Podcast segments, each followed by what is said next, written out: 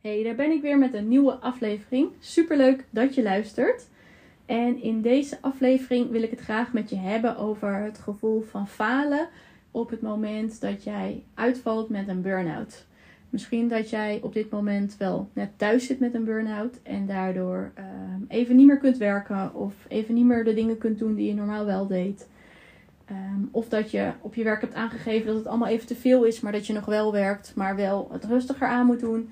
En dat dat toch wel voelt als zwak of uh, als nou, het niet meer aankunnen. Um, allereerst super vervelend als je dat ervaart. En um, gewoon, nou, ik vind het heel rot om te horen dat je dan op dit moment last hebt van dit soort um, klachten.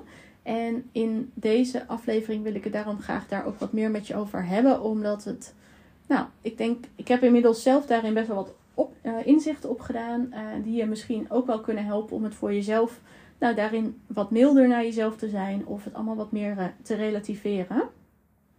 Ik herken uh, namelijk zelf deze gedachte ook heel erg van het begin uh, van mijn burn-out. Inmiddels ruim vier jaar geleden. Ik was op dat moment net begonnen aan mijn eerste zeg maar, grote mensenbaan na mijn afstuderen. Ik heb altijd wel baantjes gehad. maar nu voor het eerst echt een fulltime baan nadat ik was afgestudeerd. En ik begon uh, te werken bij een grote internationale organisatie. Um, op een functie als uh, uh, binnen HR. Iets waar ik eigenlijk al die jaren gedacht had van, nou, dat past heel goed bij me en wat ik heel graag wilde. En nou, ik was nog helemaal niet zo lang aan het werk. Ik was echt in mijn eerste jaar. Ik denk dat ik ongeveer acht maanden bezig was. En toen ik uitviel met een burn-out. En ik weet nog goed dat ik op dat moment thuis kwam te zitten. En dat ik me heel erg zwak voelde dat ik het gevoel had dat ik gefaald had. Ik zag uh, al mijn collega's natuurlijk wel gewoon doorwerken. En ik, was, ik had echt het gevoel dat ik de enige was die het niet trok. De enige was die het niet aankon. En ik voelde me daarin nou, toch wel echt zwak. Of misschien wel een soort van watje van hoezo kan ik dit nou weer niet aan? Hoezo moet ik nou weer rustig aandoen? Terwijl mijn collega's nu wel gewoon doorwerken en ook mijn werk moeten overnemen. Dus er zat heel veel schaamte. Uh, misschien ook wel een beetje een schuldgevoel. Um, en nou, gewoon echt wel heel sterk een gevoel van falen. En inmiddels kan ik daar gelukkig met een hele andere bril naar kijken. Maar op dat moment weet ik nog heel goed dat ik dat zo heel goed ervaarde.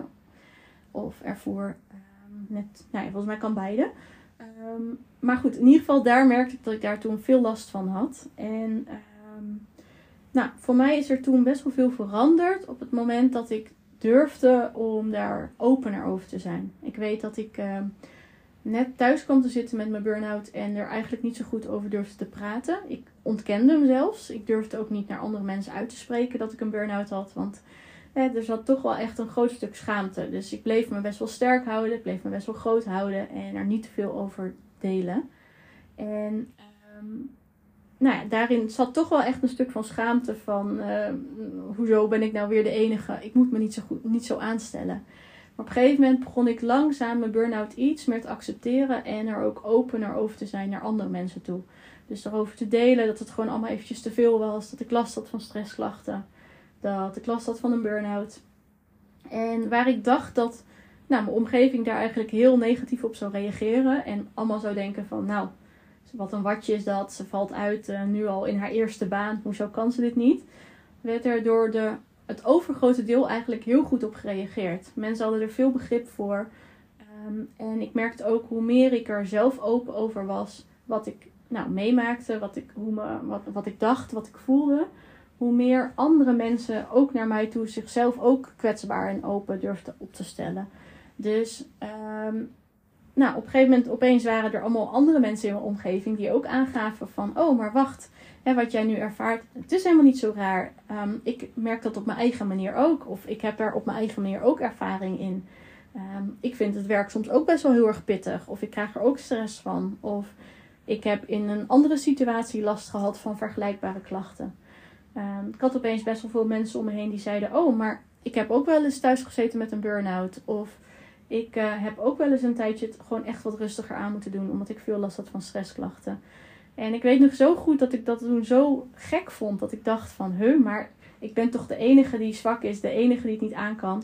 En dat het dus eigenlijk allemaal best wel meeviel, omdat andere mensen uiteindelijk ook gewoon mensen zijn die, voor wie het ook wel eens te veel is. En Ehm, voor wie ehm, nou, het ook wel eens gewoon belangrijk is om een stapje terug te doen en het wat rustiger aan te doen.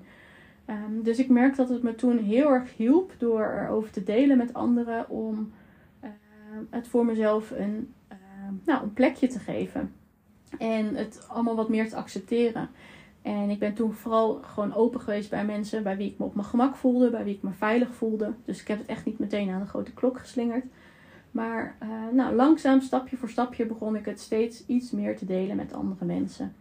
En nou, ik denk dat daar ook wel een heel belangrijk stuk zit. Dat er absoluut meer mensen zijn die ook stress ervaren. Uh, dat er absoluut meer mensen zijn die ook burn-out klachten ervaren. Um, je hebt onderzoeksbureau TNO, die elk jaar onderzoek doet naar de werkdruk en werkstress van mensen in Nederland een heel groot onderzoek. En elk jaar publiceren zij cijfers. En elk jaar zie je dat het aantal mensen dat stress of burn-out gerelateerde klachten heeft, weer toe is genomen. En afgelopen september, oktober hebben ze volgens mij weer een nieuw rapport uitgebracht over vorig jaar. En op dit moment ervaart zelfs bijna 2 miljoen van de mensen in Nederland uh, stressgerelateerde klachten. Wat echt neerkwam op 20%, dus 1 op de 5 mensen in Nederland. En dat is natuurlijk hartstikke veel. Dat van de 5 mensen die je om je, in je omgeving, heeft, dat, omgeving hebt, dat in ieder geval 1 van de 5 op dit moment vergelijkbare stressklachten ervaart. En ik denk dat, daar, hè, dat het gewoon aangeeft hoeveel mensen op dit moment ook echt last hebben van klachten. We leven gewoon in een hele snelle wereld. Veel prikkels, veel verwachtingen. Voor veel mensen toch een hoge werkdruk. Nou, tel daarbij op dat je misschien soms ook privéomstandigheden hebt. Het is niet zo gek dat mensen gewoon af en toe echt wel klachten ervaren. En dat het voor mensen soms toch wel echt pittig is om het allemaal bij te kunnen benen. Ehm, het is alleen denk ik zo dat het voor veel mensen toch nog wel heel lastig is om er open eh, over te zijn en erover te delen en erover te praten. we leven toch wel in een maatschappij van uh, niet lullen maar poetsen, gewoon doorgaan, um, je niet zo aanstellen, je sterk houden. En het is dan toch voor veel mensen denk ik best wel moeilijk om dan wel kwetsbaar en open te zijn. En zeker in een werkzetting waar je misschien door kwetsbaar te zijn of je open te stellen, waar het misschien ook gevolgen kan hebben voor je, voor je functie of voor je werk of wat dan ook. Uh, tenminste, ik denk dat het in heel veel gevallen niet de situatie is, maar dat mensen toch dat gevoel hebben. dat mensen toch bang zijn om hun werk te verliezen of dat het andere effecten heeft. Ehm, dus dat mensen daardoor toch lastig vinden om die kwetsbare kant te laten zien. Uh, maar het feit dat mensen er niet over praten, betekent niet dat het er niet is. Dat er geen andere mensen zijn die het ook misschien pittig vinden of het ook niet meer trekken. En ik denk alleen al door dat ook af en toe in je gedachten te houden en af en toe gewoon dat soort onderzoekjes te lezen, dat het je heel erg kan helpen om het soms wat meer te relativeren en wat meer voor je gevoel het idee te krijgen van: oh, maar wacht, ik ben niet de enige. Er zijn er echt wel meer die het soms ook pittig vinden. Ehm, dus dat kan je wellicht um, nou, helpen. En ehm, ik denk ook daarnaast nog, en dat is eventjes iets heel anders, maar iets wat je misschien soms ook kan helpen, hè, is de vraag van, uh, trek ik het allemaal niet meer? Is het gewoon te veel? Of zit ik misschien gewoon niet helemaal goed op mijn plek? Hè? Kom ik niet helemaal tot mijn recht? Als ik zelf terugkijk naar mijn eigen functie, ehm, dan was ik op dat moment begonnen bij een werkgever waarvan ik dacht, nou, dit is mijn droombaan. Dit past zo goed bij me. Ehm, en terugkijkend was het misschien toch niet helemaal de omgeving. Een grote internationale organisatie. Ehm, veel politiek, veel, nou ja, toch wel ieder voor zich. Toch niet helemaal de omgeving die heel goed bij me paste. En was ik dus gewoon te veel dingen aan het doen die, we, die mij te veel energie kosten. Terwijl er te weinig dingen waren die me energie gaven. Ik zie het eigenlijk altijd zo. We hebben als mensen allemaal een intern batterijtje van binnen. En bij de ene is het batterijtje wat groter, bij de ander is het wat kleiner. Uh, de ene is wat meer een Duracell, de ander die uh, nou, moet wat vaker opladen bijvoorbeeld. Maar we hebben allemaal een batterijtje waar een bepaalde hoeveelheid energie in zit. En ja, het klopt dat die voor mensen verschillend is. Hè? De een heeft gewoon wat meer energie dan de ander. De een kan wat beter omgaan met stress dan de ander. Dus daar zitten verschillen tussen. Maar waarin ik ook geloof is dat het batterijtje oplaadt op het moment dat je dingen doet die bij je passen, die je energie geven. En dat je op het moment dat jij bijvoorbeeld voldoende ontspanning hebt en voldoende rust hebt. En dat het batterijtje leeg loopt uh, op het moment dat jij te veel dingen doet die je stress geven, die niet bij je passen, die je uh, geen energie geven. Um, en op het moment dus dat jij op een werkplek zit waar jij nou ja, toch wel in een omgeving zit die niet helemaal bij je past, of met werkzaamheden die niet zo goed bij je passen, dan kan het, maar, kan het heel goed zijn dat het je gewoon te veel energie kost. Um, waardoor je, nou ja, misschien gewoon te ver bent afkomen te staan van dat waarvoor jij, um, nou, waar jij echt goed in bent en waar jouw echte talenten liggen. En dan kan het dus op die manier zijn dat je uh, batterijtje is leeggelopen en dat het gewoon daarom allemaal een beetje te veel is. Uh, maar dat betekent niet dat je het niet aan kan. Ja, misschien dat je deze functie niet helemaal aan kan, maar dat kan ook gewoon zo zijn dat je gewoon niet helemaal op je plek zit.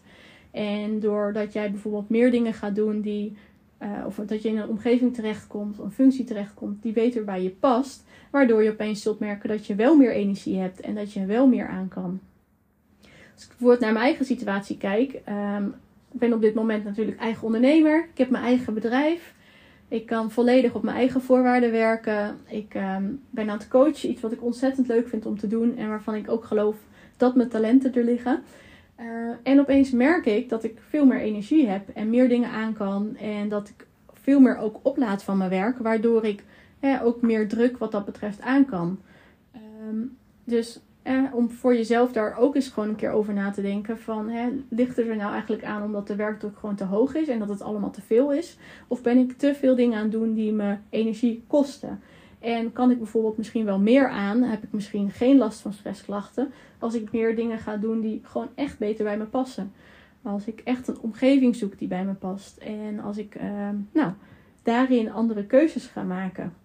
Uh, dat zou namelijk ook best wel heel goed een reden kunnen zijn. Waardoor je het opeens allemaal wel uh, beter aan eh, kan. Ik sprak laatst toevallig een meisje die was gewisseld van baan. En die zei van ik zit hier zoveel meer op mijn plek. Dit is gewoon past veel beter bij me. Het is Misschien allemaal net iets makkelijker, maar daardoor wel gewoon een omgeving die goed bij me past. Een fijne werk, werksfeer. En opeens merk ik dat ik helemaal geen last meer heb van klachten.